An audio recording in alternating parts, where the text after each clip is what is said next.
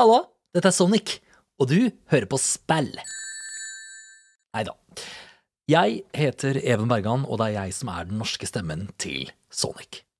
Nå skal gutta i spill og deres gjest snakke om en god, gammel klassiker, nemlig det første Sonic-spillet til Sega Megadrive. Kos deg.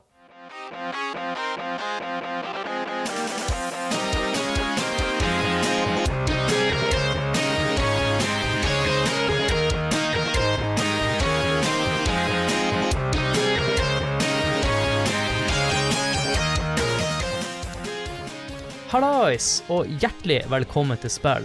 Podkasten der vi snakker om både gamle, men også nye spill. Spill er en podkast av meg, Adrian Haugen og Håkon Puntervold. I denne episoden skal vi snakke om Sonic the Hedgehog. Spillet Sega laga for å utfordre Mario, og vippe han vekk fra tronen som den mest populære spillkarakteren. Sonic prøvde ikke å være et Mario-spill, men klarte kunststykket å føles litt ut som et Mario-spill men allikevel distansere seg nok til å bli noe eget.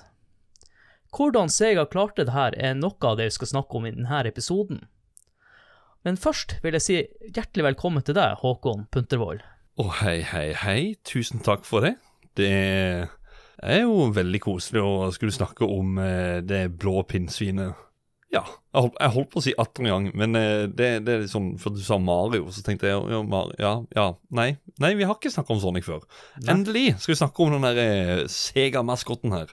Ja, det blir jo litt spesielt. Eh, vi har jo nevnt i flere episoder at vi har jo vokst opp med Nintendo, både mm. meg og deg. Og Sega var noe alltid naboen hadde.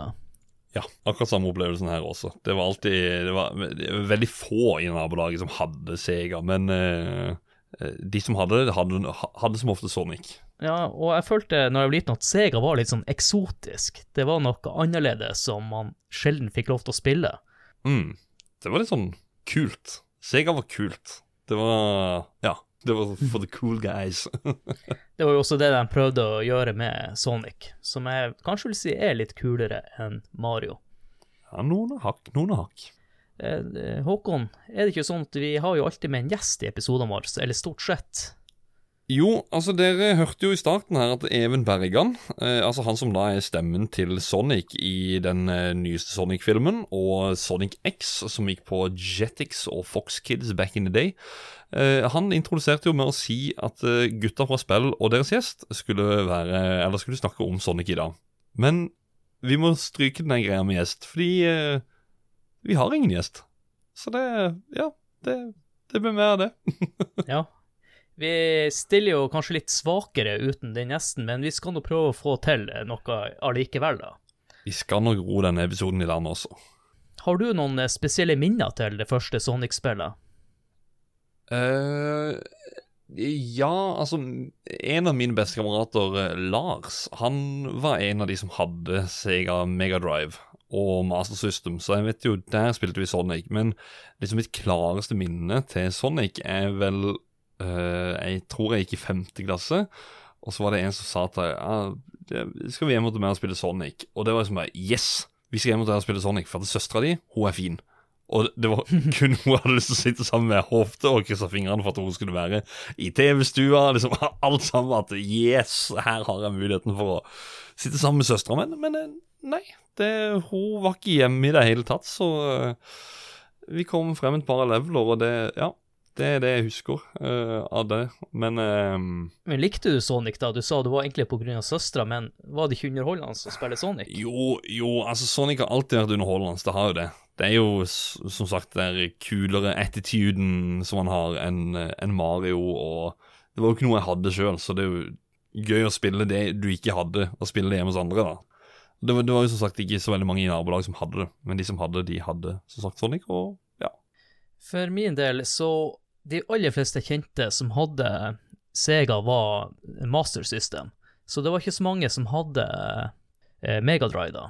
Nei. Så jeg er litt usikker. Jeg kjente en to-tre stykker. Hvem det var spilte Sonic hos, det kan ikke jeg svare på.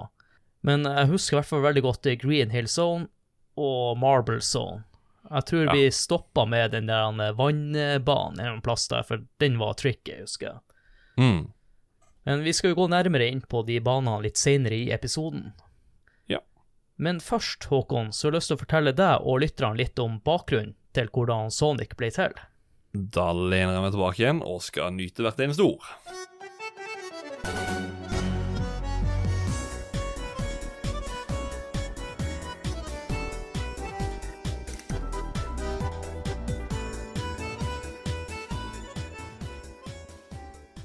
Da tenkte jeg skulle fortelle dere litt om utviklinga til Sonic the Hedgehog, som faktisk starta som en konkurranse, hvor Sega var på jakt etter en ny maskot og fronte deres kamp mot Nintendo og Mario. De hadde jo tidligere prøvd seg på spillekarakteren Alex Kidd for å markedsføre Sega, men jeg følte ikke helt at denne karakteren eh, skilte seg så mye ifra han Super Mario. Og derfor var de på jakt etter noe nytt. For det hadde seg sånn at Sega sin president, Hayao Nakayama, annonserte en intern konkurranse hvor alle ansatte kunne bidra med ideer til en spillekarakter som skulle brukes i et spill som var under utvikling. Til slutt så endte det opp med at han Nakayama hadde fått inn over 100 forskjellige forslag og ideer til hvordan deres nye spillkarakter skulle være. Blant her ideene så hadde de fått inn var en ulv, en kylling, en kanin og en del menneskelig lignende karakterer. Det var Naoto Noshima sin kaninkarakter som vant konkurransen. Han Yuji Naka, som tidligere hadde jobbet med Fantasy Star-spillene, fikk i oppgave å lage en tech-demo til det her. Han kom opp med et konsept hvor denne kaninen skulle løpe fra start til slutt gjennom et brett, og på veien skulle han plukke opp en del items. Og bakgrunnen for dette konseptet var at Naka hadde akkurat jobba med en port av Gulsen Ghost, og han syntes dette spillet gikk litt for sakte. Og derfor ønska han å skape et spill som gikk mye raskere og hadde fokus på høy fart. Etter en del testing av denne tech-demoen, så ble det konkludert med at item-delen bidro til å bremse opp, og spillet mista momentum. Derfor ble det beslutta å droppe denne item-delen, og rette fokuset over på spillets høye tempo. Og under testinga ble det også konkludert med at spillet kun skulle spilles ved bruk av én action button. En direkte konsekvens av de her konklusjonene var at kaninkarakteren passa ikke lenger inn i konseptet, siden kaninens hovedmekanisme var å bruke ørene sine som en slags form for gripemekanisme, og at de da måtte ha minimum to forskjellige action buttons, og igjen ville det her bremse ned farta på gameplayet. Sega de måtte rett og slett tilbake til tegnebrettet og komme opp med en ny karakter som ville passe bedre til de nye kriteriene de hadde satt for spillet sitt. Heldigvis for Sega så brukte de ikke så lang tid på å komme opp med en ny karakter, fordi at Naoto Oshima han hadde jobba litt med noen skisser av en pinnsvinkarakter som han visste frem til dem. Siden pinnsvinet legger seg i en ball når han føler seg trua og slår ut piggene, så mente han at disse bevegelsene kunne gjøres om til en form for angrepsmekanisme, som kun trengte å trigges ved hjelp av én knapp. Han Oshima han har fortalt i ettertid at designet til dette pinnsvinet, bedre kjent som Sonic, er basert på to Disney-karakterer. Det er kroppen til han Mickey Mouse og hodet til Felix the Cat. I starten så var de bare tre stykker som jobba med dette prosjektet. Det var han Hirokazu Yoshohara, og han fikk rollen senere som lead-designer. Og I tillegg så var han Naka og han Oshima. I 1990 så ønska Sega å få mer fart på dette prosjektet og tilførte fem nye personer, hvor de nå rommer totalt åtte stykker. Og teamet gikk først under navnet AM8, men det tok ikke lange tida før den gikk over til å kalle seg sjøl for Sonic Team. Og når det kom til musikken, så var Sega litt ballsy. De tok et utradisjonelt valg. De gikk for en kar som heter Masato Nakamura, og han kom fra j-pop-bandet Dreams Come True. Jeg skal fortelle dere litt om det her litt senere i episoden. I juni 1990 så fikk publikum for første gang se en spillbar demo av spillet på Tokyo Toy Show. Og samme året begynte Nintendo of America å kjøre en heftig reklamekampanje, spesielt promotering av Super Mario Bros. 3. Og Sega of America de kunne ikke være tilskuer til det her, så de lanserte sin egen eh, reklamekampanje, også kjent som Genesis Does What Nintendo Don't.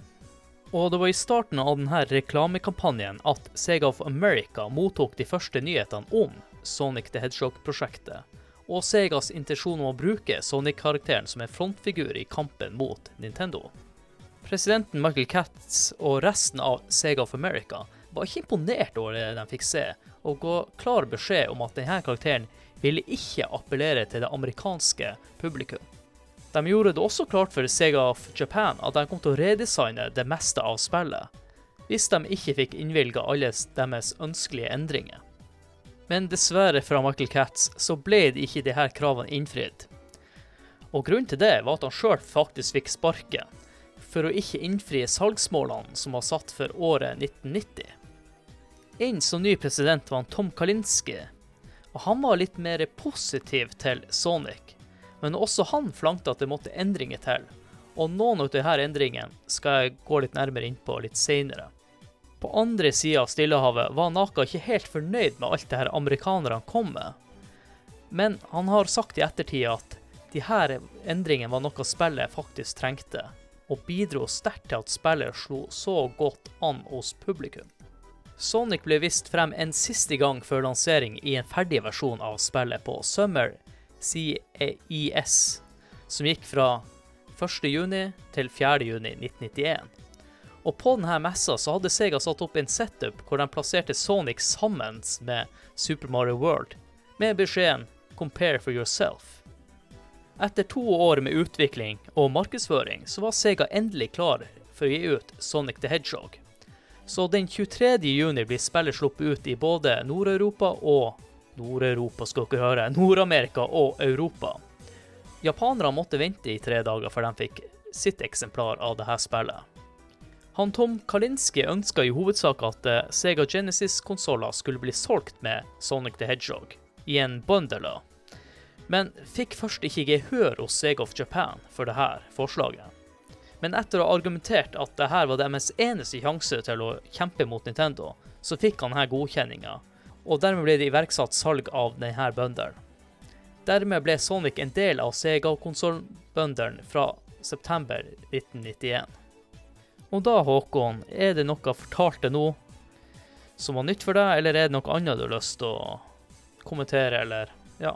Uh, egentlig Altså, jeg kan jo Først så må jeg jo egentlig bare takke deg litt for at du, du, du gjør som veldig få klarer, da. Det er å også si riktig. Det er Alex Kid. Det er ikke Alex the Kid, så tusen takk for det. Uh, og så det er egentlig veldig mye rundt den utviklinga i det spillet her jeg ikke har vært klar over i det hele tatt. Uh, det var ikke før nå jeg faktisk tenkte over sånn som Tom uh, Kalinski, for eksempel. Han er jo faktisk det var Når du egentlig fortalte det nå, så kom jeg på herregud, han er jo faktisk mer kjent ifra um, Han jobber jo i Mattel. Ja. Og har jo hatt mye med bl.a. Hot Wheels, uh, Master of the Universe og sånne ting. Og så eh, faktisk Det Genesis does what Nintendo don't.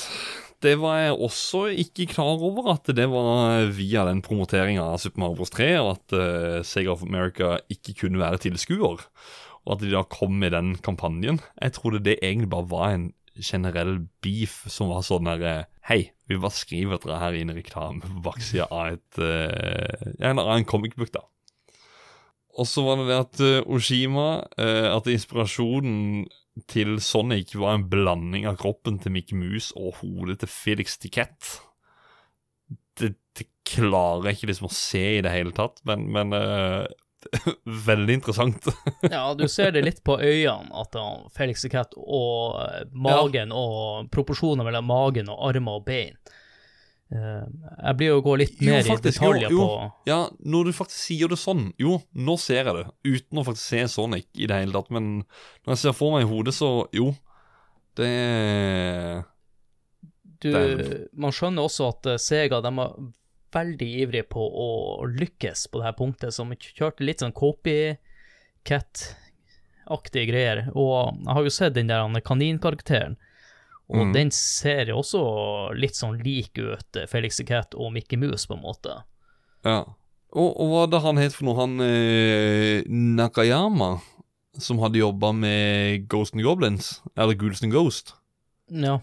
Og det at han sier at det spillet var for tregt Altså, jeebs, mann. Det er jo ikke det man skal tenke på det spillet. Der er det jo bare at det er pissvanskelig. Ja, det er Naka, Yuji Naka kommer på.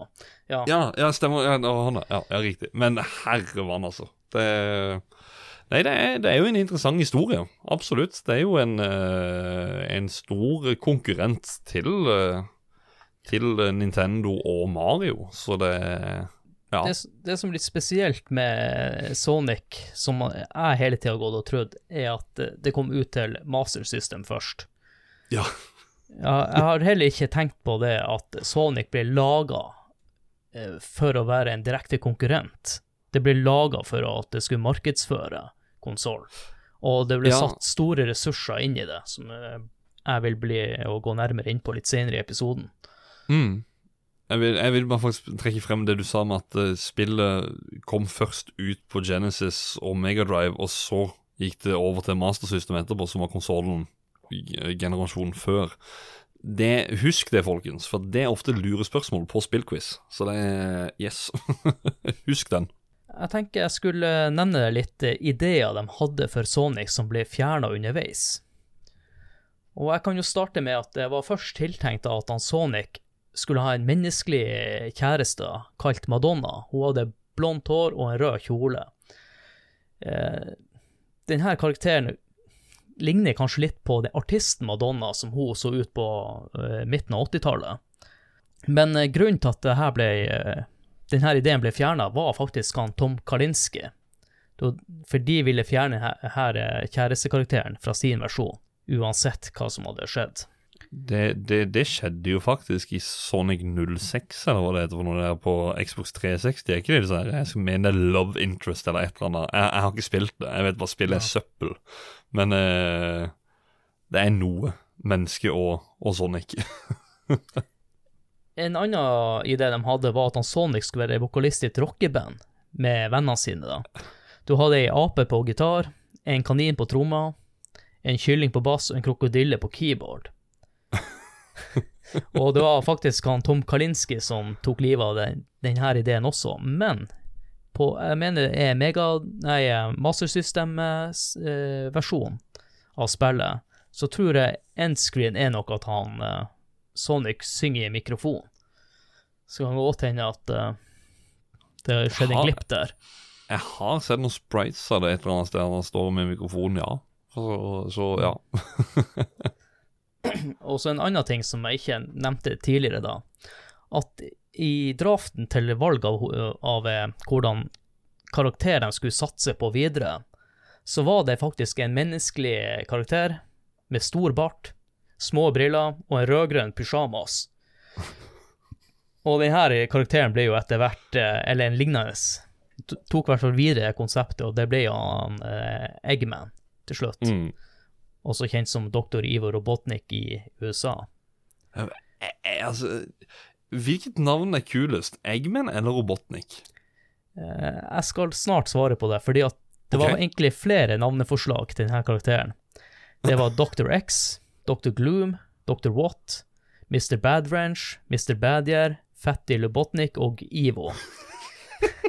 Fett Lobotnik. Ja, så de har slått de sammen, Ivo og Fetti Lobotnik, til å, til å bli Ivo Robotnik. I, Ivo Caprino. Nei da. Ja, OK, ja. Uh, Dr. X, da tenker jeg bare sånn en megamann Ja, jeg tenkte også Ja, og eh, skikkelig Megaman. Dr. What? Eh, Dr. Bad Wrench. Det er liksom OK, ja. Why not? Nei, det er Men ja, Robotnik eller Eggman, da, for å gå tilbake igjen til det. Jeg, jeg synes eh, Robotnik passer litt bra med tanke på de fiendene du har der. At det er Mm. litt sånn mekaniserte uh, fiender. Mm. Han er litt sånn Robotnik, og Robotman. Eggman er jo Han er jo, han er jo et egg òg, for så vidt, i, i fasongen. Ja. Eh, Hanaka var jo opptatt av å ha høy fart på spillet, men på et tidspunkt så ble han så svimmel av å teste spillet på at spillet gikk så fort at de reduserte farta til Sonic. Det Went for the speed, for å si det sånn. Det er jo Det er jo det, det, er jo det som kjennetegner Sonic. Det er jo det at han er At han er lynrask. Det er jo Mm. Ja. Men uh, før jeg over til eh, s- snakke litt i dybden, så tenker jeg at du kan jo ta med og snakke litt om storyen til spillet først. Eller fortelle oss storyen. Ja, det kan jeg. Da skal vi utover til en øy som heter South Island. Det er en eh, flytende øy ute i Stillehavet, hvor eh, den, altså, dyrene på, på øya de lever i fred og harmoni. Stille og rolig, og alt er greit. Og eh, på øya så er det seks forskjellige regioner, hvor de eh, alle plasser har hver sin Chaos Emerald, en sånn krystall, da. Eh, Eller kaoskrystall, eller hva man skal si. Eh, og med en med en kraft inni som skal opprettholde harmonien på øya. Og da kommer han doktor Robotnik, eller Eggman, eller uh, hva, var det, hva var det han het for noe? Doktor Fatty Lobotnik? Ja. Så kommer han der for å stjele alle Chaos Emeralds og kidnappe da alle dyrene på øya. Så da er det opp til eh, Sonic å uh, hjelpe alle disse her uh, dyrene og uh, få tak i de Chaos Emeralds og opprette da den harmonien igjen på South Island. Sånn ting skal bli stille og rolig igjen. Eh, det er en ganske plain story. Det er jo ikke sånn Ja. Nei, det, det er i hvert fall ingen som stjeler prinsesser, men de har bare bytta det ut med en haug med dyr. Så Ja. kanskje ikke helt original historie der. Nei. En Men det er jo en tid hvor det ikke det var så veldig mye avanserte historier heller på spill. Med mindre det var et RPG. Men med tanke på at de ønsker å skille seg et stykke bort fra Mario, men fortsatt Ja. være Mario på en måte, så eh, Mm. var de ikke så langt ifra her, da. Nei. Med at de hadde inkludert kidnapping. Nei. Og når vi først snakker om de sammenligningene her, Håkon, så er det jo kanskje naturlig at vi sammenligner litt Mario og Sonic. Og vi Det er kan jo naturlig. Vi kan jo snakke litt om de forskjellige spillmekanismene de innførte med Sonic. Mm. Kan du begynne med, som vi har snakka om, hastigheten? Det er jo kanskje det han er mest kjent for. Sonic is faster than the speed of light. Det er en ting der jeg, har lest litt på, da, er jo at han, når han Sonic bare eh, går bortover, så går han raskere enn det han Mario springer og holder inne B-knappen. Men det klarer ikke jeg helt å se eller skjønne. Nei, det er litt gøy at du nevner Det er en YouTube-kanal som heter Game Theory, som jeg husker lagde en video om hastigheten til Sonic. For mm. så liksom, Og hvor kjapp er egentlig Sonic? Er han liksom the fastest thing alive? Og da teller han da antall størrelser eh, på sprites på Mario, og antall Sonic sprites. Så måler han opp i form av hvor mange sprites med Mario det er på Hva er det for noe? Fem sekunder eh, på den ene, og så er det fem sekunder på Sonic. Og det resulterer i at Mario faktisk er raskere enn Sonic. Han, det er bare en ørliten gimmick. Han er ikke så rask. Ja, det er Veldig, veldig meningsløs video å, å lage, men, men gå inn og se. Game Theory. Sonic fastest thing alive, eller et eller annet. Jeg syns det var utrolig morsomt å høre sånne her ting, for det var noe jeg tenkte på mens jeg jobba med denne episoden her. Mm. Det var mye snakk om det, men når jeg bare tenkte, så for meg i hodet, så synes jo at Mario er- springer ganske fort når hun holder inne B-knappen og har sett speedruns av Mario. Ja, ja, Så jeg får ikke helt til å stemme da at når han Sonic går bort igjennom, at det skulle være raskere enn det. Jeg, jeg fikk bare ikke det til å stemme, så du har jo bekreftet at han, dessverre så er ikke han Sonic raskere enn Mario, så vi får jo se i neste Mario-film da, om det blir Ja. kappløp mellom han og Sonic. Men det må vel kanskje være han lille Mario, for han er kanskje litt raskere. Ja det, er, det er i hvert fall Jeg, jeg husker ikke nøyaktig, men jeg skal mene faktisk På utregningene sine så er det sånn at Mario er faktisk dobbelt så rask. En annen mekanisme som de eh, tilførte Håkon, det er jo ringsystemet. Genialt system, egentlig, øh, syns jeg. For øh, ja, du har coins i Mario, men det, der er det jo power-ups. Her er det jo ringene som er I liv, på en måte. Ja, ja, ja, ja, det er nesten sånn som det. Det er livet. Det er Og er det for noe at hvis du Hvis du blir truffet, hvis du har ti eller mer ringer, så er det maks ti da som sprer seg ut. Så har du muligheten til å plukke de opp igjen. Ja. Og så kan du liksom holde på sånn hele tida. Det gjør det jo veldig Veldig ja, lett lettere for eh, eksempel for, for mitt vedkommende, for barna mine hjemme da, å spille det. Så er det sånn Oi, de bare hopper bort, tar en ring, og så går det greit igjen. da. Ja, og, det er jo et system som skiller seg litt bort fra Mario. Mario så hadde du som regel kanskje bare to sjanser, og så var det game over. Her har du muligheten til å rette opp dine feil så lenge du klarer å rekke en ring i tide. Og så var jo en annen mekanisme som, eller som jeg også nevnte i stad, det er jo å spinne. Den er jo litt annerledes her enn eh, hva en er vant med i dagens Sonic-spill. Så til de av dere som har liksom spilt Sonic 2 eller Sonic 3, Sonic Mania den slags, så her er det jo Du går bortover, og så trykker du ned for å så rulle inntil den ballen. I de andre Sonic-spillene så er det jo ned og trykk, eller trykk mange ganger for å få mer fart, og så begynner du å spinne. Men her er det jo at du spinner bare som en ball hvis du løper og trykker ned-knappen. Så det er jo litt spesielt at, de ønska kun action button, men måten Ja. de juksa litt på, var at du måtte trykke ned på D-paden. Ja, altså, men det er jo liksom Du har jo tre knapper på den kontrolleren, så det er sånn mm, Bare legg det inn. Jeg tror at de gjorde det for at eh, nye spillere skulle lett komme inn i det. At det ikke, ikke var så mye å tenke på. Nei, én knapp mer. Det er mye å tenke på. Ja. Men jeg syns jeg har lykkes med konseptet, da. Syns det funker greit med spin attacket og ja, ja, absolutt. Det er jo et sånt, kall det ikonisk attack move, syns nå jeg. Uh, ja. Jeg holdt på å si veldig minneverdig, men, men ja. ja mm. Jo, men det er jo en av kjennetegnene til Sonic, er jo det Det Som Ja. i hvert fall jeg syntes var kult da jeg var liten. Du skjønte det litt mer, at det gjorde skade enn at Mario, en bitte liten Mario, i hvert fall når han er liten, ja. gjør skade på å hoppe på en stor gomba. Uh. Og da Men- er jo spørsmålet hvor mye veier Mario egentlig?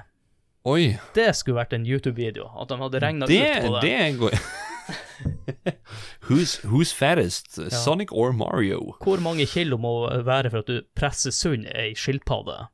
Og da tenker jeg kanskje de gigantiske skilpaddene du finner i jungelen og sånn. Eller Mm, gigantisk havskilpadde. Hvor mye trøkk er den tåler? Og, og da kan du kanskje finne ut av hvor mye Mario egentlig veier. Ja, ja. jeg, skal ikke, jeg skal ikke hive meg på matstykket, men, eh, men hvis det er noen som hører på som har lyst til å gjøre det, så gjør det. Ja. Med mindre det finnes en film inne på YouTube. Eller det med skilpadde, hvordan funker det egentlig når du hopper på et skall? For han knuser jo ikke skallet, han bare presser ut skilpadda. Så det er jo det du må regne på. Hvor mye skal du til for at du skviser ut padda, men skallet blir igjen? Ja, ja.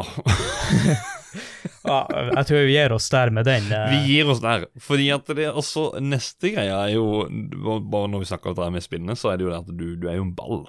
Og da har du jo pinball-effektene som liksom er rundt forbi på disse banene. Det er de fjærene som gir deg en boost. Når du bare ruller nedover en bakke, så eh, Ja, så bang, sier det. Så har du truffet en fjær. Og så skytes du av gårde i en retning inn i en loop, eller eh, Ja. Det er jo den mekanismen jeg syns er morsomst i hele spillet. Jeg elsker når jeg får en skikkelig høy fart på han, eh, Mm. han Sonic. Da er vi to. Det er litt sånn der ehm, Ja. Jeg, jeg, føler, Du får den der hurtighetsfeelinga. jeg føler at uh, Sonic uh, starta speedrunning for meg før jeg visste hva speedrunning var, på en Mm. måte. Ja, ja. For jeg vil alltid prøve å klare banen raskest mulig med å ha høyest mulig fart. ja. Men normalt sett så eh, endte jeg opp med at jeg ble truffet av en fiende et eller annet, så måtte jeg finne fram eh, ringene igjen. Mm. Og power-ups, Håkon, de er jo litt kule, synes nå jeg, da. ja, de er jo i den der, eh, der skjermene, eller hva det er for noe. Eh, Jo, jo det, er, det er en dataskjerm, er det ikke det? Ja, eller en TV-skjerm, som i hvert fall er Men det ser jo Ja. kanskje mer ut som en PC-skjerm. Ja. En, en, en monitor med avbilde av hva det er for noe. Da er det stjerner som er en sånn eh, invincibility, hvor du får en dritkul låt. Akkurat den låta der den tenker jeg at vi kan ta og høre på.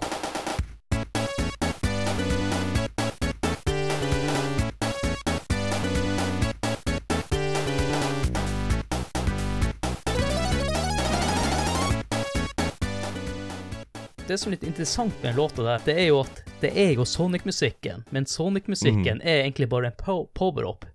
Det er ikke noe som går i bakgrunnen hele tida. Nei, nei, nei. Så den nei, er jo den er jo ikonisk, og jeg vil si at den er mer ikonisk enn den er stjernemusikken i Mario når du får stjerner. Eh, På mange måter, ja. Det, Apropos musikken, det, det, det spillet her skal jo ha enormt skryt, altså. Det er virkelig. Så um, Men jo, for å hoppe videre, så er det jo en annen hvor du har eh, bilde av Sonic. Det er jo da en one-up, så istedenfor en sopp og grønn sopp som du spiser, og eh, for en one-up så er det en Sonic. Og så har vi den det her, det her, her må jo være favoritten til de fleste. Det er jo løpsskoene. Power sneakers, som de heter. Jeg har en liten fun fact til de power sneakersene. Og De sneakersene de er designa etter eh, skoene Michael Jackson hadde på seg på Bad-coveret, faktisk. Det, det er den samme eh, formen, men fargene er inspirert fra selveste julenissen. fra julenissen Den ekte Ja, julenissen. Nissen i bingen, eh, referanse der, altså. Ja, eh, OK. Ja, julenissen. Eh, fargeinspirasjon for Michael Jackson sine vakre sko. Ja. Ja. Jeg må jo også bare si, når jeg først er inne på han Sonic Den blåfargen til Sonic, den er henta fra Sega-logoen. Å. Og så er de blitt kvitt, så Sonic har de samme fargene på seg som det amerikanske flagget. Og det var jo USA Sega sikta mot med Sonic. så det er litt interessant. Neste item, det er jo et sånt eh, skjold, eller en sånn, sånn boble. Ja, hva sånn- det er for noe? Det ser ut som det er, noe som de ikke klarte å få riktig. Det ser ut som en sånn halvboble, det ser ut som de har slitt noe med programmeringa. Ja, det, det er en ball, basically. Hvor det bare er sånn du får, du får en ball rundt det. Og så er det, det er jo da en ekstra hit, som vil si at du OK, du har ringer, og så har du den der eh, Så har du det skjoldet, så blir du hitta, ja, og da mister du bare skjoldet. Da mister du ikke ringene. Et slags eh, ekstra hitpoint. Uh... Mm. Og så er det ringer. Det er ti ringer på, på ett, eller på, på én skjerm. That's it, egentlig. Og alltid Det er litt sånn kjedelig power-up. Det der er Ja. sånn fuck you power-upen. Så, Yes, fant en TV. Å ja, OK. Nei, det var ringene, ja. Ja, fint det. Thank you. Da tenker jeg vi skal eh, snakke litt nærmere om baner, men først må jeg jo ta frem facts. Eh, spillet består jo av totalt sju soner, hvor de seks første sonene er delt opp i tre acts. Men siste son består kun av to acts, og alle sonene har en bosskamp i siste act, utenom siste eh, sone, hvor det er bosskamper i begge acts, mener jeg. Og hvis du klarer å samle over 50 ringer i act 1 eller act 2, får du tilgang til bonusbanen, hvor du har mulighet til å få tak i en Chaos Emerald. Og inne i den sonen så kommer denne låta her.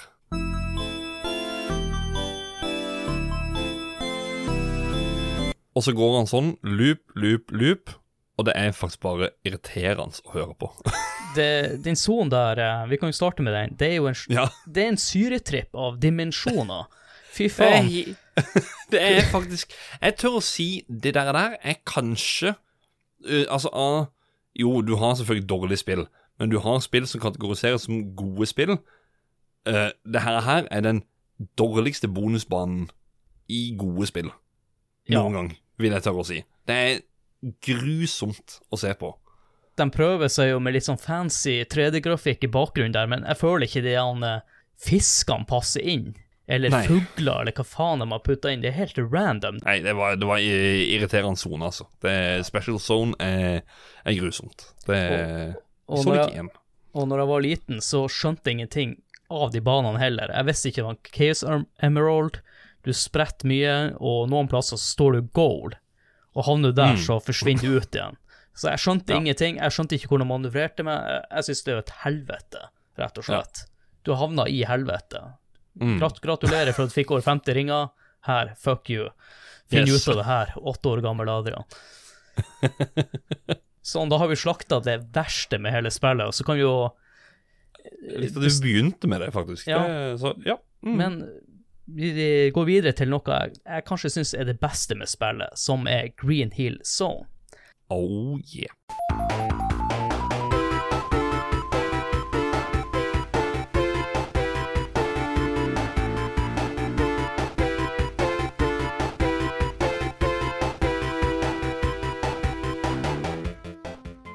Som eh, befinner seg ved innsjøen til Soft Island. Soft Island? Ja, ja. Jeg vet da faen om det var dansk eller svensk. Ja, ja. Det er ingen av delene, vil jeg si. Nei. Uh, vi må jo snakke litt om banen. Eh, Jeg liker alt med banen. Jeg liker fargene. Jeg liker det han uh, sjakkforma jorda som gir en slags 3D-grafikk. Jeg liker bakgrunnen. Jeg liker det grønne. Jeg liker utforminga på banen. Jeg liker at du kan ha høy fart. De viser Ninten Nei, jeg håper å si Nintendo. De viser Sonic på sitt aller beste i første banen. Musikken er fengende. Det er jo den mest ikoniske banen ut av alle Sonic-spill, og til og med musikken er jo helt amazing. Det er jo Du kan eh, Altså, Sonic Generations, Sonic Adventure 2 hadde jo dette her som en skjult bane. Det er jo et 3D Sonic-spill hvor det var Jeg vet ikke om det var noen særlig opp, eller særlig missions å gjøre der, men den banen fins liksom i det spillet der. Det, Green Hill Stone er ikonisk, akkurat som, som Ja, hva er det for noe Mushroom Kingdom i Nei, nei. nei. Jo, første banen i Mario vil jeg kanskje si. Ja, ja, kanskje, kanskje. Det er så definerende uh, på alle måter, den banen der. Ja. Eller sonen, da. Nei, jeg syns alt er eh, perfekt, nesten. Jeg vil gå så langt som å si nesten helt perfekt, på alle måter. Eh, bossen her er jo han eh, doktor Robotnik med Egg Wrecker, tror jeg han heter. Og da kjører han jo inn eggkjerra si, eller eggflyet sitt, og har en Ja. sånn svær kule under, som faktisk har samme fargen som den bakgrunnen på, på jorda i Eller på bakken som er Green Hill Zone, da. Det er sjakkforma greier. Som får Ja, å dundre rundt ja. med. Som gir litt sånn der 3D-effekt, eller Ja. gir litt dybde på den. da. Ja, og det glemte jeg å si med Green Hill Zone. Du ser at det her er skikkelig sånn 80-talls 3D-ish-aktig bane. Mm. Men Boston er jo også veldig ikonisk og ja, lett, vil jeg si. Er, du, du skal bare hoppe på skipet. Det er vel egentlig Altså, det er jo, det er jo egentlig det man skal liksom med, med Robotnik-kampene, da. Du skal Ja. bare hoppe på, på skipet som man har, men For, det er jo om man er for å si det sånn, Håkon. Er du over åtte år og ikke klarer å ta den bossen her, da må du revurdere om spill er noe for deg. Du skal i hvert fall ikke hive det på Elden Ring, som vi spiller nå for tida. Nei, absolutt ikke. Men jeg vil komme med noen facts nå, så det er jo litt Oi. fakta i den podkasten her. uh, en morsom ting er jo at denne banen var det som gjorde at han Sonic fikk en litt mørkere blåfarge. Så han ikke skulle blende seg inn med den uh, blåfargen i havet i bakgrunnen. Så egentlig så var han litt mer lys, uh, lyseblå i fargen. Ja, OK. Ja, men Det forklarer jo egentlig litt, for det er jo faktisk en del ads og sånne ting jeg har sett før av Sonic, hvor han faktisk er ganske lyseblå. Ja, du, du tenker han har vært litt sånn utvaska Sonic, bare? Hva? Ja. Han har vært i vaskemaskinen et par ganger, så det mm. Ja, og så har jo mest sannsynlig kjørt kampanjer før de har gitt ut spillet, Ja. for å lage en hype, sånn som med Elden Ring, som jeg trodde var en serie først av eh, tenkte Elden Ring-serien, hvordan den gått under radaren? Men det, det blir en annen episode. Ja. En ting som overrasker meg litt med Green Hill Zone, at det er bare én loop på hver act. Man tenker litt at det er mange looper på denne banen, men det er det ikke. Å ja. Nei, det der tenker jeg egentlig For loopene er jo Det er jo kult når du suser nedover der, så bare plutselig Oi, der spinner du som rundt i en loop. Og bare wow, wh- wh- What? Det Dette har ikke Mario. Nei. Men det er bare én av dem på hver act, eller hver Ja, ja. bane, da. En ting som Jeg snakka litt om bakgrunnen, og kanskje egentlig ingen legger så mye merke til med bakgrunnen. Det er at eh, scrollinga, eller skyene sin scrolling, går litt raskere i den japanske versjonen enn den eh, amerikanske og europeiske versjonen. Det blir ikke det samme om ikke de går like fort som i den japanske versjonen. Det Jeg tror ikke akkurat det vi savner her i Vesten, da. Nei, nei. Men grunnen til at kanskje Green Hill Zone har blitt så ikonisk, er fordi at Sonic Team brukte faktisk hele seks måneder på å utvikle Green Hill Zone. Og det er ganske lang tid med tanke på at de brukte rundt to år på hele spillet. Mm, Dæven. Så um, det ligger mye arbeid bak, og vi har vel nevnt det i andre episoder også, sånn som i Doom, at uh, de start, eller siste banen blir lagd alltid sist. Det er også for å få spilleren til å bli kjent med spillet på en annen måte. Mm. Og det forklarer jo også hvorfor at uh, mange førstebrett er favorittbrettet til mange. Det kan også skyldes at folk er kanskje litt dårlige i de spillene, sånn som i Turtles the Ness. Men der kjenner jo førstebrettet kun fordi at vi kom oss ikke lenger. Men jeg tenker på andre brett som i Super Mario World og Mm. Green Hill Zone, så er de brettene eh, er det man husker aller best. Mm. For at de er designet ganske bra, da. Vi hopper over til neste sone, som er Marble Zone.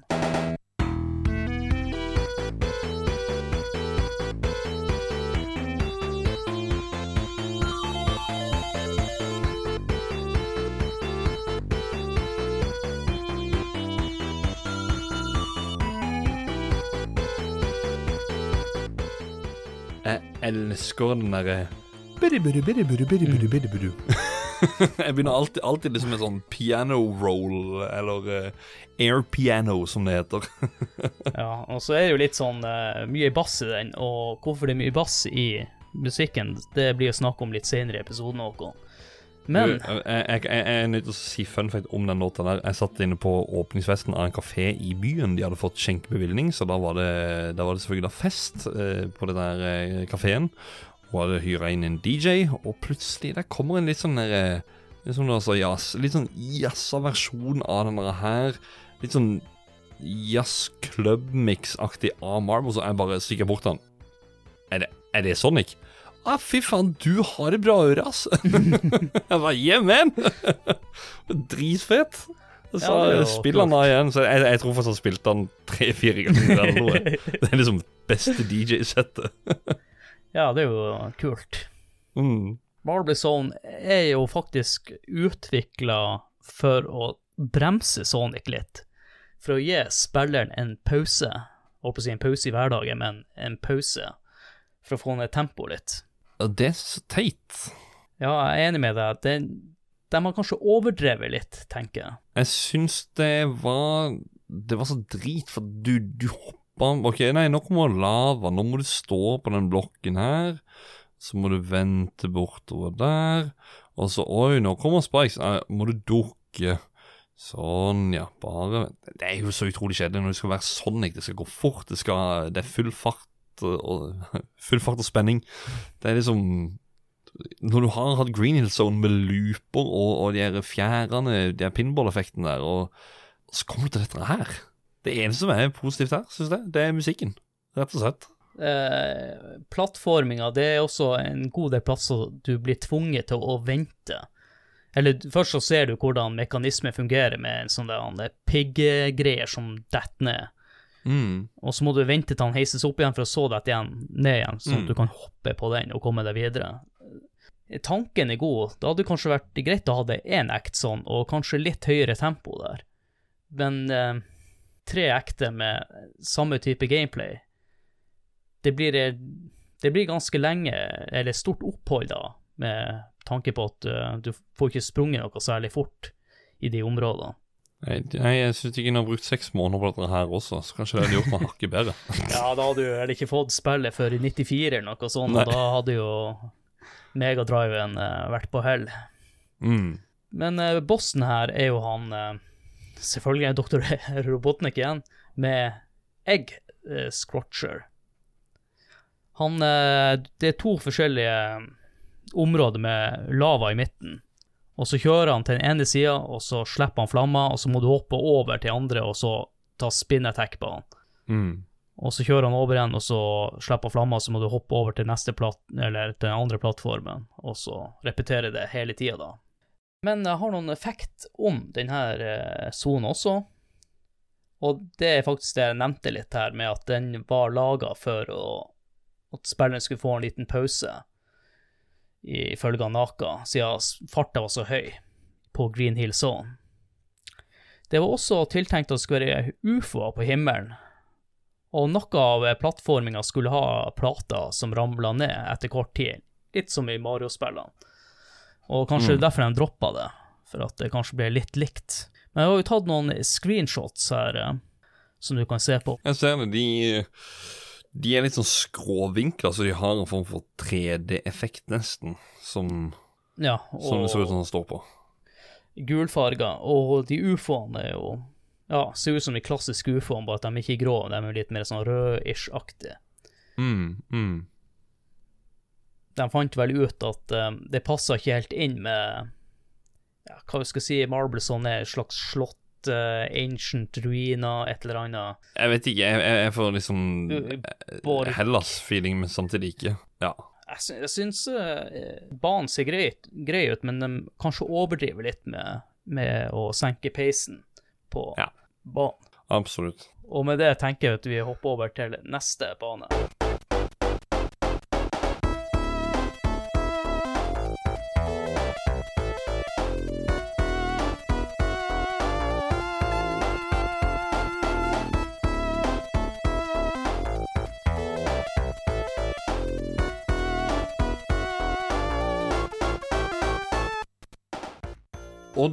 der lurer jeg egentlig litt på, uten å ha fått sjekka det opp eller noe, eller om du kanskje har det som en fakta her, men musikken er den der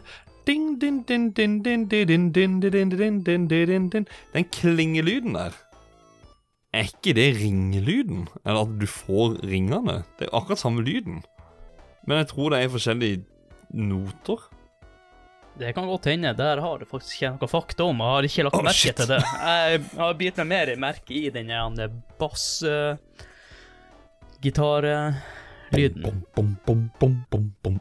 Jeg er litt, jeg er litt, litt svak for bassgitarer, faktisk.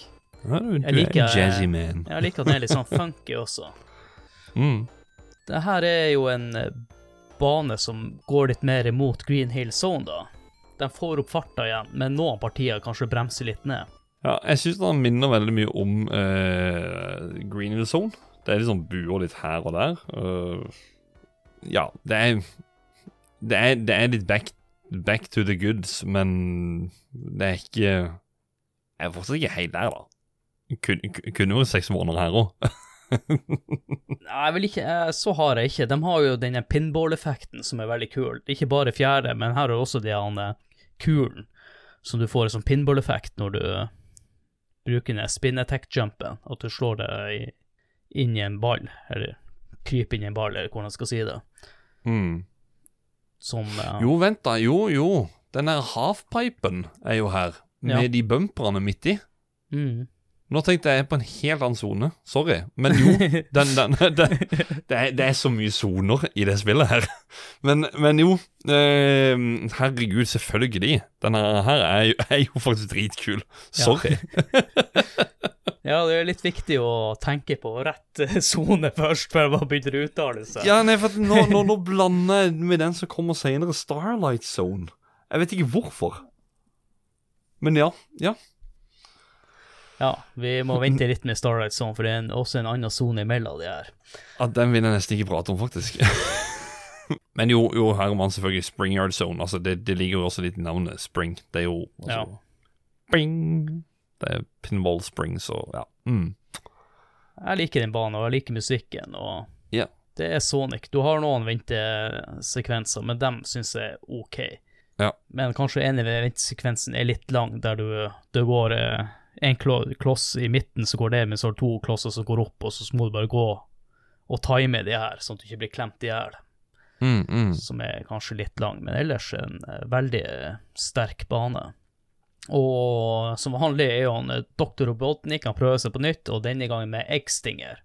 Der har han en liten pigg, der han prøver å, å stange ned på deg.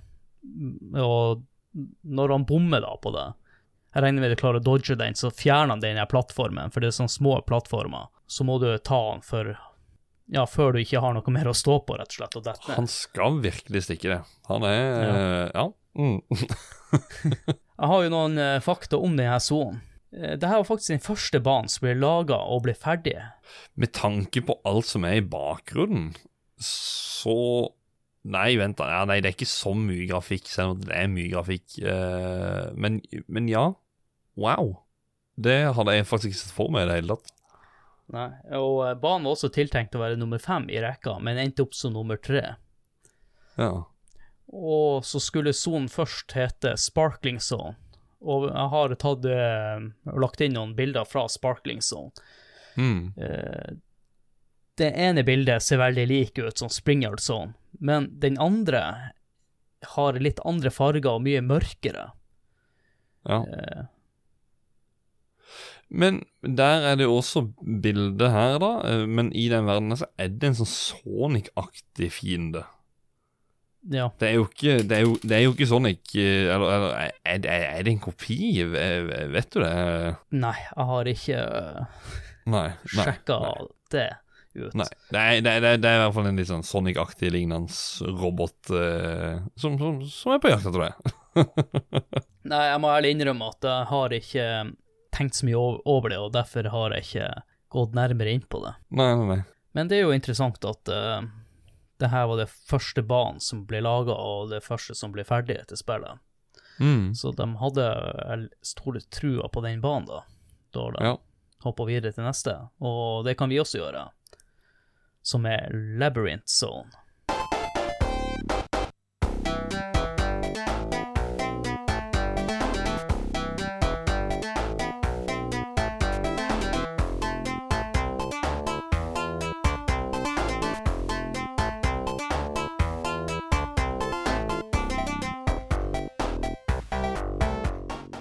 En annen ting her med denne er jo som i Springyard Zone, så sa jeg det at det er lydene av ringene.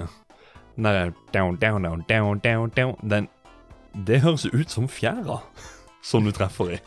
Ja, det har jeg heller ikke tenkt over, men det jeg tenker over at den musikken her er den kanskje som høres mest sega ut, ut av alle de, de her Ja. Veldig, veldig. Men uh, fysj. Ja, og kanskje den svakeste låta for min del, da. Ja, men fysj for en bane. Uff. Ja. Det var denne banen man stoppa opp på. Og, Det er liksom Det er jo, det er jo Marble Zone, bare med, med vann i tillegg. Ja, og ikke bare det, du må også passe på at du ikke går tom for luft. Ja, ja, det er også det de er, eh, for de er eh, Som han Ja. sier når han får, uh, får luft. Og så er det jo masse sverd og sånt som kommer ut av veggene, eller er det spyd, eller hva det er for Ja, som, som pigger. kommer plutselig opp her og der. Og Ja, de spydene der, ja, stemmer. ah, Fytti grisen. Nei, det, det, det er jo Det er jo store deler det er jo også en vannbane, så det er jo Ja, og det vannet, det ser litt grumsete ut, rett og slett. Ja. Du blir skitten. ikke- Ja, det er ikke så klart som i andre eh, vannbaneområder. Ja. Nei, det er Nei, som, som vannbane så er det jo alltid eh, Donkey Kong Country de leverer på vannbaner, de klarer det. Men Super Mario og ja, her da, Sonic, de andre store plattformspillerne eh, Dessverre, dere gjør ikke det. Og problemet til han Sonic er at han ikke kan svømme, så blir det litt sånn det han er i Metroid-spillene. Ja. Før du har fått det gravity suit og det der. At det, alt Ja. går i sirup, og det er litt tungt i lengden å holde på sånn. Mm. Eh, jeg mener at det var lagt inn at han Sonic skulle ha på seg sånn det dykkerutstyr eller noe sånt. Eller sånn svømmemaske som de fjerna, kommer på nå i farta. Det er i hvert fall en sprite som er funnet, mener jeg. At han skulle ha snorkel et eller annet. Hm. De burde kanskje ha gitt han en eller annen svømmemulighet eller et item som gjør at han kunne svømme, at det kunne gå litt fortere under vann. Mm. Eh, Marble Zone de vil jo bremse ned farta, men her dreper de jo all fart. Og banen er jo kanskje den vanskeligste ut av alle banene. Ja, jeg vil si I hvert fall med tanke på de spydene som Ja, de går jo opp og ned sånn her. Hva er det for noe? Opp, og så går de ned igjen etter sånn to sekunders mellomrom, eller tre sekunders mellomrom. Det er jo sånn veldig irriterende. Og lufta, og det er hoppfeil på en plattform, så Ja, på mange måter vanskeligste, føler jeg. Og eh, bossen i seg sjøl på den, denne sonen er ikke så vanskelig, men måten for å ta han på er ganske vanskelig, for han leder gjennom en labyrint med en haug ut av de spydene. Ja, med masse vann som, Ja. eh, som eh, suser etter deg. Men hvis du er flink nok i plattforminga, så tror jeg du skal rekke å, å, å ikke være under vann. Men hvis du gjør én feil, så er du under vann. Og da blir det mye tyngre. Men når du kommer på toppen, så trenger du bare å å spinne deg skiene en gang, eller sånn spinnhopp, da. Ja, du, du kommer jo frem til den derre Ja, han stikker jo av. Det er jo ikke noe som sprenger, sånn som han gjør i de, de andre banene, som vi heller ikke har nevnt. da Det er jo dette han Han sprenger jo alltid. Og så ser du at han liksom har en sånn kull-effekt på seg, Altså ryker det av maskinen, og så flyr han videre. Ja, og en annen ting vi glemte å nevne, er at hver gang du tar han, så er det et bur, eller sånn det han eh, Ja. Bur med en masse dyr i, som du f- frigjør, da. Kapsel. Ja, Ja, kap sånn kapsel eller noe sånt, og så eksploderer den, og så kommer de, alle søte bamsene ut. Alle ser ut som søte kosebamser. Og det er maskinen som gjør alle fiendene i spillet om til eh, eller, eller alle fiendene er jo egentlig dyr. Ja, Så når du hopper på de fiendene, så frigjør du av dyret fra den maskinen. ja, Enda en ting vi ikke har nevnt. ja. men, men. De snille dyrene er inni fiendene, på en måte. Mm, I en robotdrakt eller noe sånt. Eller, ja. ja. Jeg tror ikke Something, gå nær, nærmere inn på hvordan uh, robotene til Dr. Robotnik fungerer. Jeg Nei. tenker han eh, Dr. Wiley har en bedre måte å gjøre det på enn at han, Dr. Robotnik må faktisk bruke søte dyr for å få robotene sine til å fungere. Mm. Men jeg har noen facts om denne banen òg. utrolig nok, så det her tiltenkt å være bane nummer eller sone to da, i starten. Men ble så, Passer jo. Men ble jo droppa av at den banen var ganske vanskelig. Å møte på en så vanskelig bane så tidlig i spillet kunne kanskje drept opplevelsen til samtlige spillere. I hvert fall de under åtte, og mange over åtte år. Mm. Så det det, det er Ja, som sagt, han bærer over harde preg, altså. eh, Harde preg av, av eh, Marble Zone. Han gjør det. Og så vann i tillegg. Nei, fysj. Fysj. Nei. Vi, jeg foreslår at vi bare dropper vannbanen, og så går vi videre til Starlight Zone.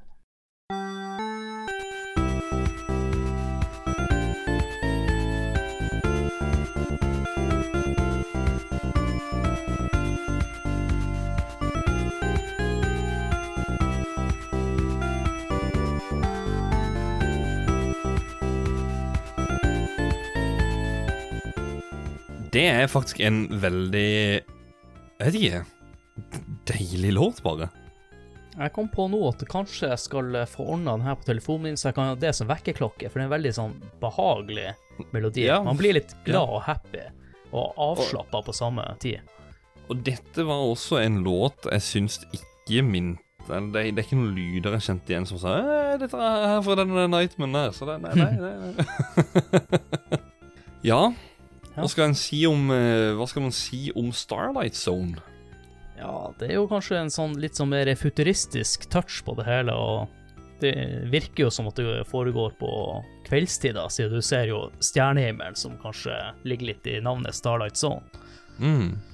Ja, det jo, jeg føler jo egentlig at det er sånn Kall det Det føles litt som at du er ute i space.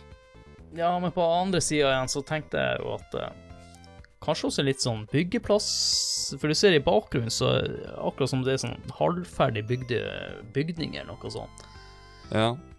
Og eh, det her er jo en bane med veldig mange sånne små looper. Halvlooper og Eller halfpipes, eller hva jeg skal si.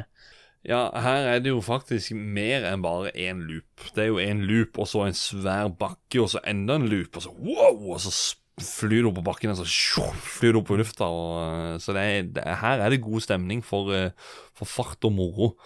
Eh, De lever jo egentlig veldig tilbake igjen på Green Hill Zone, men de er jo ikke der oppe igjen. Nei. her- De- her er det mye av feilen er det at du, du har en bakke, og så er det sånn Oi, der bråstoppa du i en vegg. Mm. Og så må du hoppe ned der, og så Oi, nå fikk du faktisk Å nei. Å ja, du bråstoppa i enda en vegg. Så det er sånn Ja.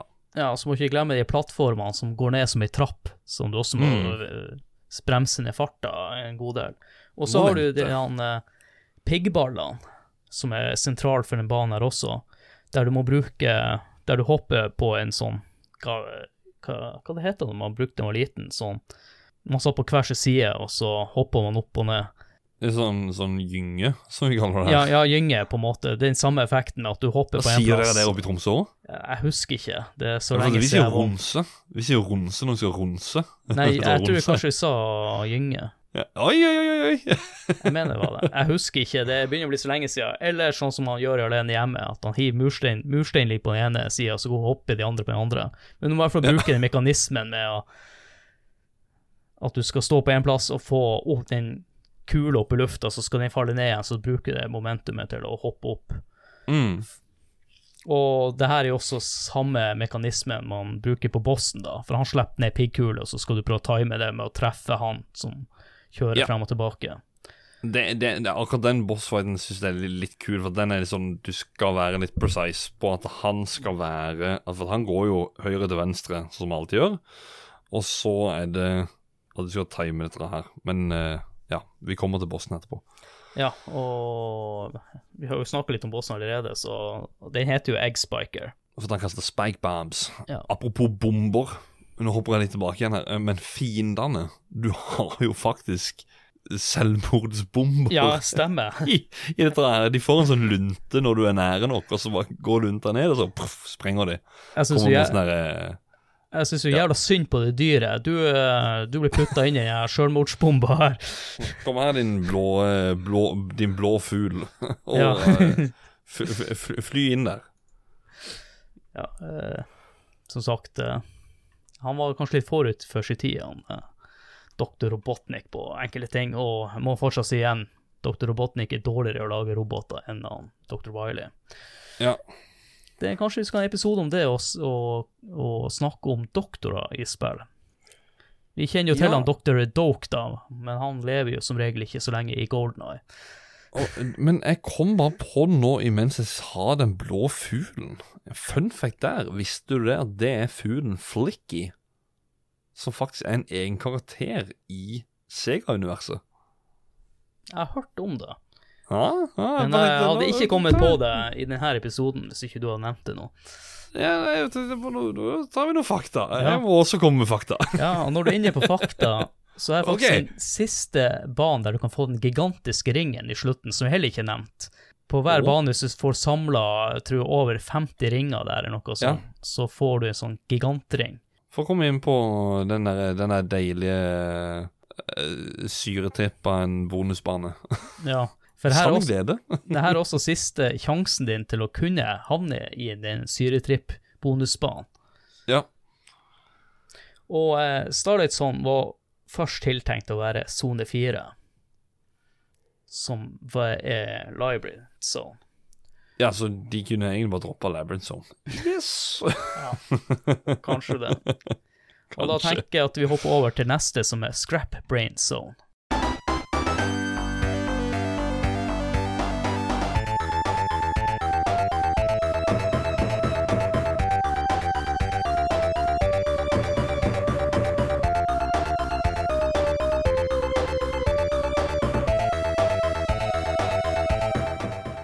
Tar litt tid før den låta bygger seg opp. Uh, men uh, altså igjen Sonic-soundtracket er jo utrolig bra. Jeg synes det leverer på utrolig mange plasser. Det gjør det. Selv om at noen av baner er dritt og sånt, så, så er musikken veldig bra. Og denne her er veldig bra. Du må ut sånn 40 sekunder. Da begynner det å bli veldig bra. Ja, den eh, musikken syns jeg passer veldig bra til temaet på eh, Eller temaet til banen, da, som foregår inne i et slags fabrikkområde. Mm. Og en fabrikk som kanskje ikke klarer å opprettholde HMS-en, med tanke på alle flammene som spruter ut enkelte plasser. Yes. Og så må vi løpe på en haug med løpebånd, og unngå no noe sagblader. Ja, tannhjul eller sagblad eller et eller annet. Det er faktisk noe av det verste med den banen, den plattforminga der. For da er det jo Ja, Såling skal jo være så rask, ikke sant. Så kommer det bevegende de her tannhjulene eller sagbladene imens du står på et løpebånd. Det vil si at du står jo ikke stille på det Mm. båndet. Så det er en, en stygg plattforming som, som er der. Ja, så har du også sånne slags Tesla-coiler som skyter noen sånn strømgreier enkelte Mm. som Ja. du må dodge. Eh, Banen er Hva skal jeg si den, Det er en bra bane, for den skiller seg ut fra de andre banene. Mm. Og kanskje klarer plattforming på en bedre måte enn Marble Zone, for eksempel. Eller Librant, som vi har funnet ut er den dårligste banen. Uten Eh. tvil. Uten tvil. Og det som også skiller eh, Scrap Brain Zone fra andre, det er jo Håkon noe du nevnte til meg nå i stad, i, i I en pause, da. At det er jo en cutscene. Det er litt, eh, litt spesielt. I den cutscenen her, da, eh, da Du er akkurat ferdig med act 2, og så møter du Du ser han eh, Dr. Robotnik, og så er det en slags eh, barriere mellom dere to. Og så ser du at Dr. Robotnik hopper på en knapp som gjør at du detter ned. Og da kommer du til en, en ny vannbane som vinner veldig mye om Librains med litt andre farger, da. Og det, fun det funker litt bedre når du bare har én act i en sånn type verden, og ikke tre ekte, som kanskje er litt for mye. Delvis. De kunne heller bare sendt deg ned eh, til noe annet enn Labyrinth. En, en, en Labyrinth Zone. Eh, altså En ting er jo litt gøy, da, er jo det at eh, faktisk sånn Robotnik er sånn Nei, du skal ikke komme inn her, så Fuck you. Du, du skal inn på den verste banen. Ja, Vær så god. Her får du, Du igjen, liksom. Yay! du må klare den verste banen en gang til før du skal få lov til å endelig slåss mot meg. Ja. Og det er jo ingen eh, bosser på denne banen, for at eh, neste act er stort sett kun en bosskamp, men jeg har litt fakta om den sonen jeg har lyst til å nevne, før vi går over til final zone. Og det at det her er den eneste banen som har forskjellige bakgrunner på hver act, og kanskje andre baner også burde ha denne variasjonen. Hmm. Den er ikke så dum, egentlig. Men sp spørsmålet mitt blir jo liksom hvorfor? hvorfor? Hvorfor få det designet der? Nei, det er vel kanskje for å, å skille det ut litt.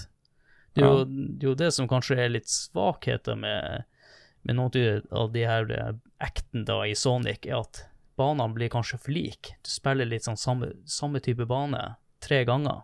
Mm. Og det gjør det faktisk ikke i Mario-spillene. Der får du kanskje litt større variasjon mellom hver bane. Og noen baner er jo kanskje eh, litt for lang også, spesielt med tanke på at de er lik hverandre. Skal vi bare hoppe over til Final Zone. Ja, jeg tror vi gjør det.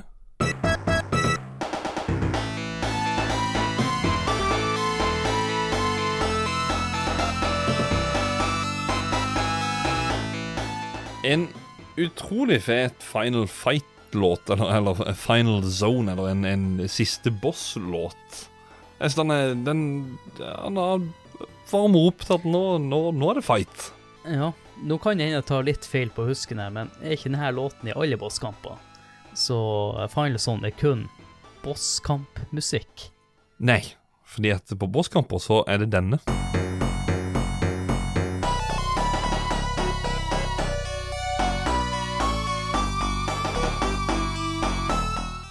Som for øvrig også er en veldig kul låt, Ja. men uh, denne her Final Zone er mye bedre.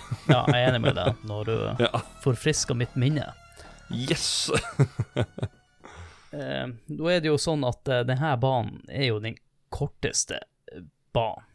Det er eh, som Det er jo, en- det er jo ikke en bane, egentlig. Det er, en, det er en gang som du går igjennom, og så er det Der er det en boss.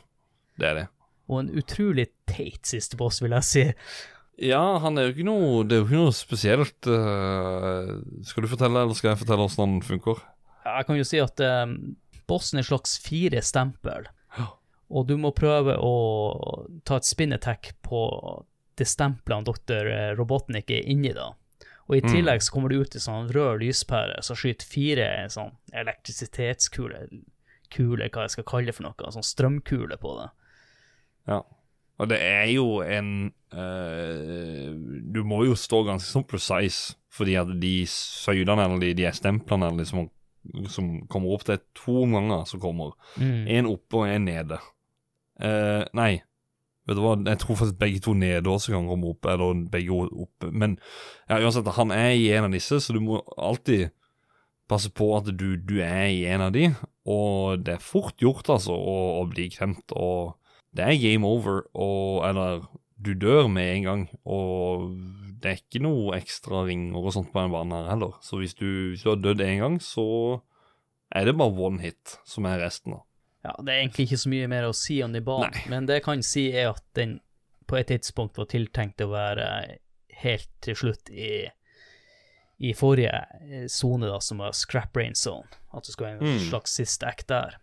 Men Ja. jeg har også lyst til å nevne at det ble også lagt en sone som heter clockwork zone, som ble fjerna under produksjon. Og du kan jo se her, Håkon, det minner jo litt om uh, scrap brain zone. Ja, jeg skulle egentlig Nå tenker sikkert folk Clockwork Zone, ja, du er inne i klokka i Super Mario 64. Nei, nei, jeg er ikke helt der. Men ja, det, det er ganske likt, som du sier, eh, Scrap Brain Zone. Det er ganske Ganske likt. Ja, og så har vi jo snakka litt om den bonusbanen, og, her har jeg et bilde da som dere ikke ser. Så Der bakgrunnen er det noe sånn svart og snørrgrønne eh, firkanter i bakgrunnen, som ser helt forferdelig ut. Ja. Ja, det ser grusomt ut. Det er ikke annet å si. Det finnes jo noen ekstra ting i spillet, som eh, level select og debug mode. Har du lyst til å ta oss igjennom det, Håkon? Ja, level selecten er jo da at du trykker opp, ned, venstre, høyre, og eh, venter på sånn ringelyd. Så skal du holde inne A-knappen og trykke på start. Da kommer du inn og kan ta en sånn soundtest og ja, da level select. Prøve da ja, velge ut av disse, alle disse 19 banene som, som er i spillet. Så har du også debug-moden. Hvordan du aktiverer den, det husker jeg faktisk ikke. Uh, men du Det er jo en Kall det en editor, på lik linje som Mario Maker og, og sånne ting. Så det, det er en stilig modus. Absolutt. Ja, du kan jo lage dine egne baner og ja. ja. Eller, du, Sonic du, du, var kan- før Mario Maker på det området. Ja. Du kan, du kan legge til fiender, du har litt sånn diverse items som ikke blir brukt i spillet, Ja. som, som ligger i, i, i motoren der, og ja. Men, men du Div, kan div. ikke endre formen på banen, men du kan legge til ting som fiender, som du sier. Legge inn drøssevis av sånne fisker og ja. Jeg nevnte jo innledningsvis at vi skulle gå litt mer i dybden på musikken, og det tenkte jeg skulle gjøre nå. For Sega de gjorde jo et utradisjonelt valg når det kom til musikken, som jeg nevnte i stad. De valgte å satse på et nytt kort, og mannen de ønska skulle lage musikken, var han Masato Nakamura. Og han Nakamura sjøl var jo veldig overraska over å få denne forespørselen, med tanke på sin manglende erfaring med å lage musikk til spill.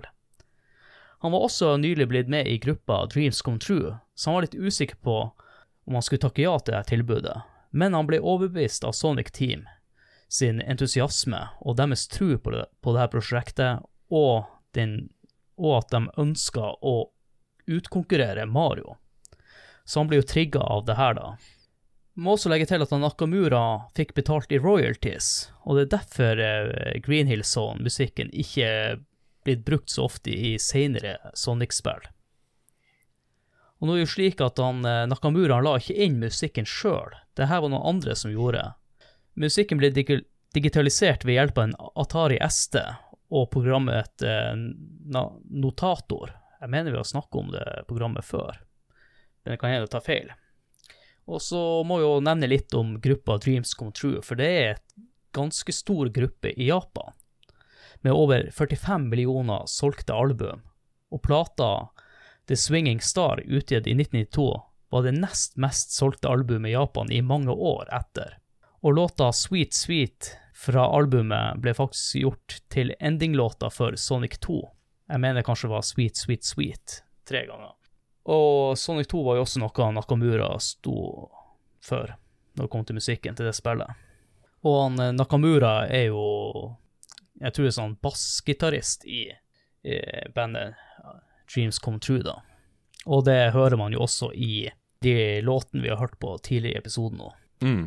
hvor bassen kommer veldig tydelig fram. Og eh, jeg må jo si, det er jo litt eh, interessant valg, da, med tanke på hvor mye Sonic satsa Nei, ikke Sonic, men hvor mye Sega satsa på det spillet Sonic, og de torde å satse på et nytt kort. Ja, det er jo en Det er absolutt storsatsing, det, det er jo det. Men eh, utover det du sa her nå, så, så var det at uh, når, når Nakamura skulle lage musikken, at han, han, at han ikke hadde tilgang på spillet, at han bare måtte hente inspirasjon fra bilder, og Ja. hva utviklerne da fortalte om, om Sonic. Det var liksom sånn derre Det forklarer kanskje litt egentlig hvorfor kanskje ikke hver Altså, musikken i spillet er jo konge. Det er jo ikke noe å si på det. Men det er kanskje ikke alt som passer uh, til hver sone, syns jeg. Det, det, det må jeg si rett ut. Men uh, sånn Scrap Brain Song, for eksempel, jeg syns ikke den passer så godt inn akkurat der. Men Å uh, oh, ja, jeg syns den passer veldig bra inn der. eller, eller kanskje det er Starlight Zone. jeg, jeg går fortsatt litt i surr på åssen de baner det. det kan hende. Men, men det, det er en av de to som, som er litt sånn der eh, Ja, midt på, midt på treet til å passe inn der. Jeg mener Det vi skal forklarer det, da. Ja. Um, som jeg nevnte, så ble jo Spilte han inn musikken, så ble den digitalisert scenen sen, i ettertid, da. Og vi har vel eksempler på det. Skal vi først ta den eh, originallåta? Ja.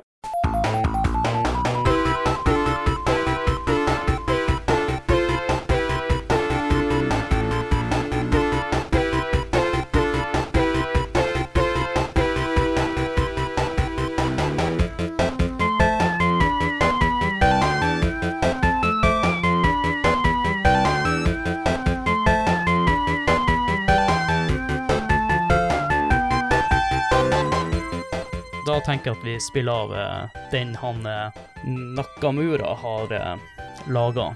Den demo, demoen før den ble digitalisert. da.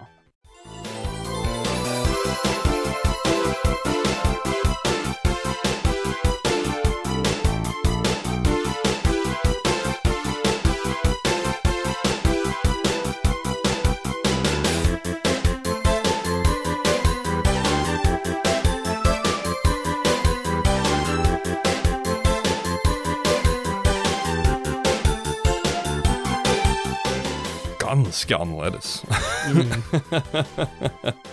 Men eh, nice finish touch på slutten, da.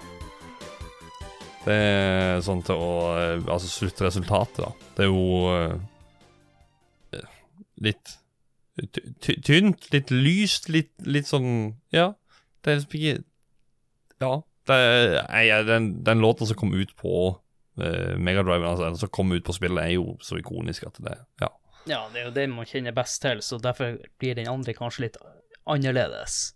Mm. Men han lykkes veldig bra med musikken, som vi har nevnt tidligere. Men jeg tenker vi må også snakke litt om det mange tror er det originale Sonic-spillet. Jeg skal bare forklare litt bakgrunn til det. Jeg tenker vi kanskje vil snakke om de spillene i, ved senere anledning, da. Eh, Sonic the Hedgehog til eh, Master System og Game Gear det ble utvikla av selskapet Ancient, som ble oppretta i 1990 av han Yuzo Koshiro. Og tenker, har du hørt det navnet før? Jo, du har hørt det. Og det var nå i høst, og som er Actracer. Han lagde musikken til Actracer. Som Ralf eh, sa i den episoden, det er mannen som har lagd den beste Castlevania-låta som ikke er en Castlevania-låt. Mhm. Ja. Og han måtte opprette et selskap sammen med søstera og mora si. Søstera jobba forresten også med Actracer. Eh, og grunnen til det var at Sega ikke hadde lyst til å gjøre business med enkeltpersoner når det kom til å signere kontrakter, så derfor ble selskapet Agent oppretta. Og de begynte faktisk å utvikle Game Gear versjonen først. Og spillet ble sluppet ut eh, november 1991. Og det er jo litt spesielt. Jeg mener også det her er første gangen Koshiro var med å lage et spill, og de var opp mot Jeg tror de bare var tre personer som lagde det også. Han, søstera, og så tror jeg han leide inn en til. Selvfølgelig, mora var ikke med på det, da. Jeg nekter i hvert fall å tro det, at hun Mm. hadde noe med det å gjøre. Ja, så lenge Master System Game Gear jeg har jo, altså, De er jo egentlig rent like, for Game Gear er jo egentlig en Det er en form for portabel Master System. Eh, Så det er bare det at bildet er mye mindre på Game Ja. Gearen. Men jeg skal faktisk si det, fungerer overraskende bra. Det gjør det, virkelig. på Master System. Det, det er ikke Det har vært uvanlig her å, å fyre det i gang det på, på den første Sega Master System. Jeg synes eh, versjonen ser ganske bra ut, med tanke på at det her er til en 8-bit-konsoll, og spriten ser eh, nydelig ut. Mm. Og jeg har dessverre ikke spilt de her spillene. Faktisk så nydelig sprite at jeg faktisk har perler. Jeg, jeg har ikke så mye å si på det, men eh, spillet er jo litt annerledes i forhold til det vi har snakket om i denne episoden. Ja, det er 16-bit, dette her. Altså, det er jo 8-bit, de på Master System og Game Gear. Så det er jo, ja, naturlig. Og da, Håkon, da tror jeg egentlig bare skal uh, ta for oss uh, lytterbidragene. Og jeg kan jo starte med de inne på Facebook her, inne på Spill Community. Så kan du ta de som er på Discord. Ja. Jeg begynner med Martin Gjesdal.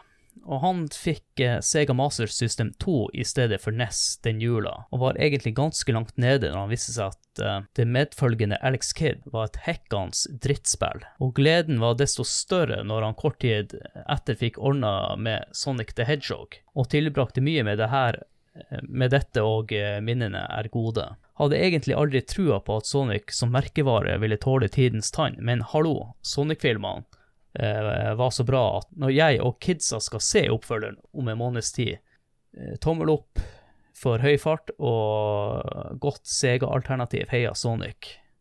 Kanskje jeg drepte nok, eh, noe av det han skrev her. Men han likte i hvert fall den første Sonic-filmen. Mm. Her er jo også, som vi nevnte innledningsvis, Håkon, at eh, kanskje mange tror at vi skal snakke om Sonic the Hedgehog til eh, Sega Master System, som mange tror er det første Sonic.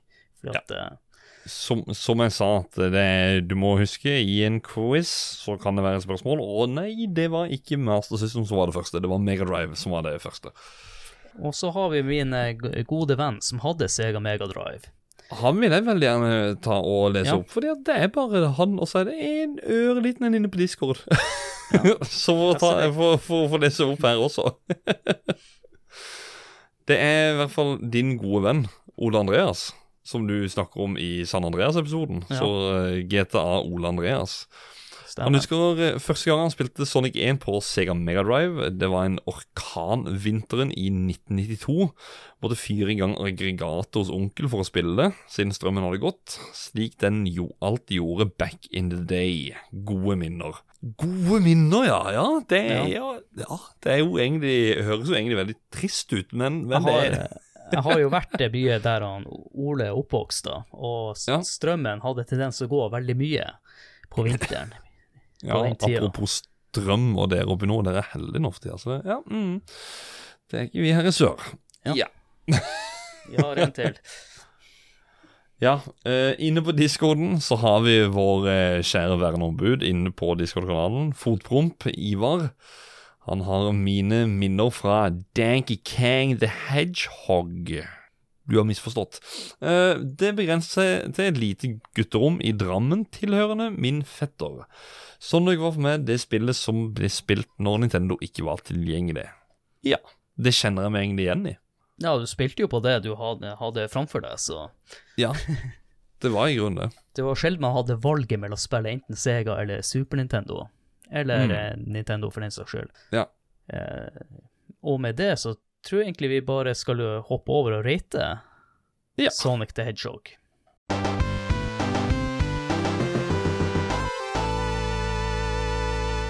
Vi bruker som vanlig Nintendo-magasinet sin kriterier og karakterskala for å bedømme spillet etter de her fem punktene. Grafikk, lyd, spillkontroll, underholdning og holdbarhet. Og skalaen går fra 1 til 10 som vanlig. Håkon, hva vil du, det, hva vil du gi grafikk?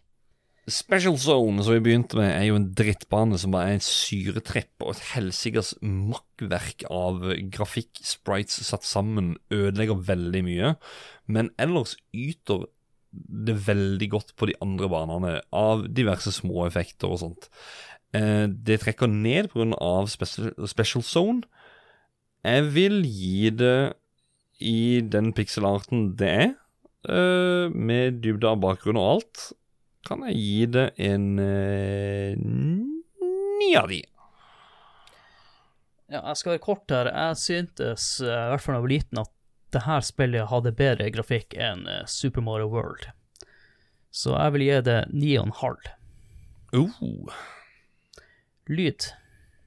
Lyden har jo nevnt det veldig mye. Musikken, utrolig bra musikk. Det er egentlig ingenting å ta det på, annet enn at Labyrinth Zone er litt kjip, som, som på andre. måte. Det er ikke noe irriterende med lydene heller, egentlig, så Ja, jeg gir det faktisk en eh, 8,5? 9? Ah, ja. 9? 9. 9. Du er der. Jeg, jeg vurderte faktisk om jeg skulle gå helt opp på tieren, men jeg gir det 9,5. Ja. Jeg har hørt mye på musikken mens jeg jobba med denne episoden. Ja, jeg har, jeg har gjort det samme sjøl. Det ligger ute på Spotify. Det er ni. Sp eh, spillkontroll. Spillkontroll eh, tar vi da ut ifra den kontrollen du faktisk spiller spillet med, som er Sega Mega Drive-kontroll, som er horribel. Den er grisedårlig. Men spiller du med en annen kontroll, som f.eks. Switch-kontroll, eller ja, for det har kommet ut på nyere konsoller, er helt greit. Litt eh, glatt, om jeg kan si det sånn. Den sklir litt mye. Eh, Åtte. Åtte. uh, gir da også en åtter. Kanskje det det som er svakest med spillet, Mm. med tanke på de her kategoriene. Underholdning. underholdning ut av alle andre pikselerte Sonic-spill som finnes der ute, så har dessverre ikke dette her stor underholdningsverdi. Da vil det mye heller gå for Sonic 3 enn Knuckles, eksempel. Det er jo det ultimate spillet. Uh, så underholdning Du kan ikke spinne uh, sånn som i Sonic 2.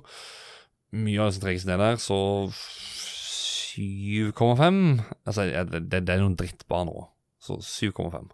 Jeg gjør det kort. Jeg sier det samme som deg, Håkon. ja. eh, For dere lyttere så stresser vi nå med at vi skal ut en stream hvert øyeblikk, så derfor er vi Yes! kjappe Den er om sju minutter, så vi må gasse på. Holdbarhet.